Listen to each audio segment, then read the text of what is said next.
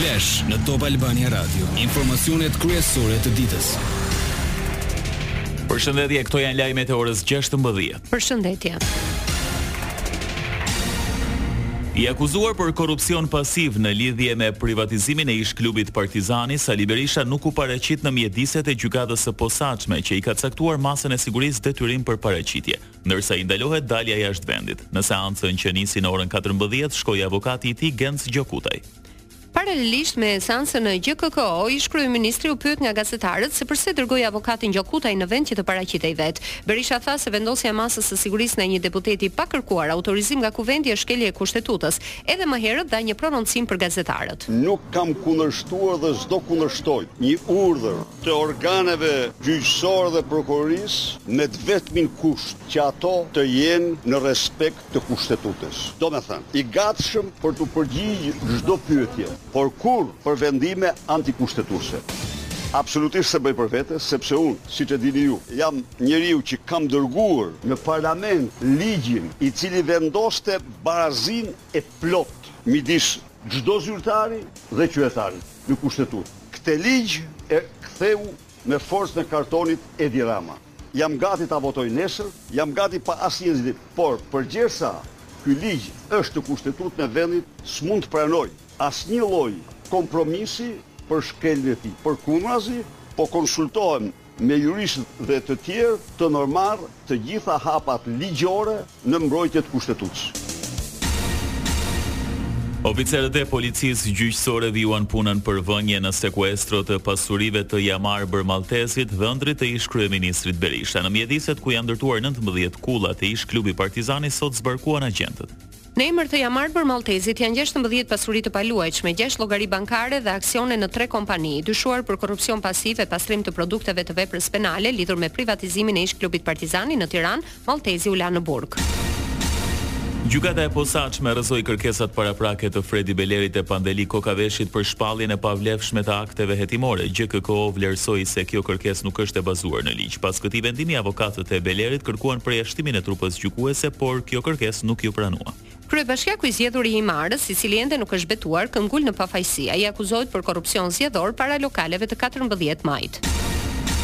Presidenti Begaj kthen për rishqyrtim në parlament ligjin për shtetësinë. Presidenca argumenton se amendamentet nuk morën tetëdhjetë e katër vota siç parashikon Kushtetuta. Për nga përmbajtja, Presidenca vlerëson se kryesisht dispozitat e ligjit krijojnë lehtësira për marrjen e shtetësisë shqiptare, masa dhe lloji i të cilave është në gjykimin e Kuvendit. Lajme nga rajoni. Në mbledhjen e Këshillit të Sigurimit të Kombeve të Bashkuara, Kosova dhe Serbia shkëmbyen akuza ku u diskutua raporti i shefit të OKB-së Antonio Guterres për Kosovën. Kryeministrja serbe Ana Brnabic mohoi çdo përfshirje në sulmin ndaj policisë në Këtë Zveçanit, që më njëzet e katër shtator çua në vrasjen e rreshterit Afrim Bunjaku, shefja e qeverisë së Beogradit tha se ngjarjet ishin rezultat logjik i terrorit ndaj serbëve. Në Këshillin e Sigurimit të OKB-së, presidentja Vjosa Osmani tha se Serbia dëshiron territor të Kosovës, por nuk do ta marrë kurrë. Ne duam paqe dhe më njëzet e katër shtator Serbia dëshmoi se do luftë. Por, ne nuk do ta lejojmë të ndodhë kjo, tha Osmani. Sipas kryetares së shtetit, plani i njëzet e katër shtatorit ishte destabilizimi i rajonit të Ballkanit Perëndimor dhe jo vetëm i Kosovës.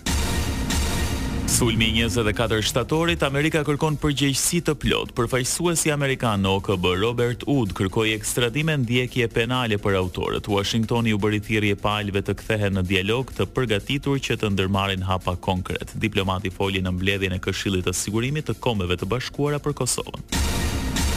Ambasadori rus në OKB, Vasili Nebenzia, akuzoi Kosovën për shtypje të serbëve. Sipas tij, Perëndimi nuk priti për hetimet për Banjskën, por menjëherë e quajti sulm të tmerrshëm. Ndërkaq, përfaqësuesi i Kinës tha se Pekini mbështet një zgjidhje të qëndrueshme mes Kosovës dhe Serbisë, por akuzoi Prishtinën për rritjen e tensioneve në veri.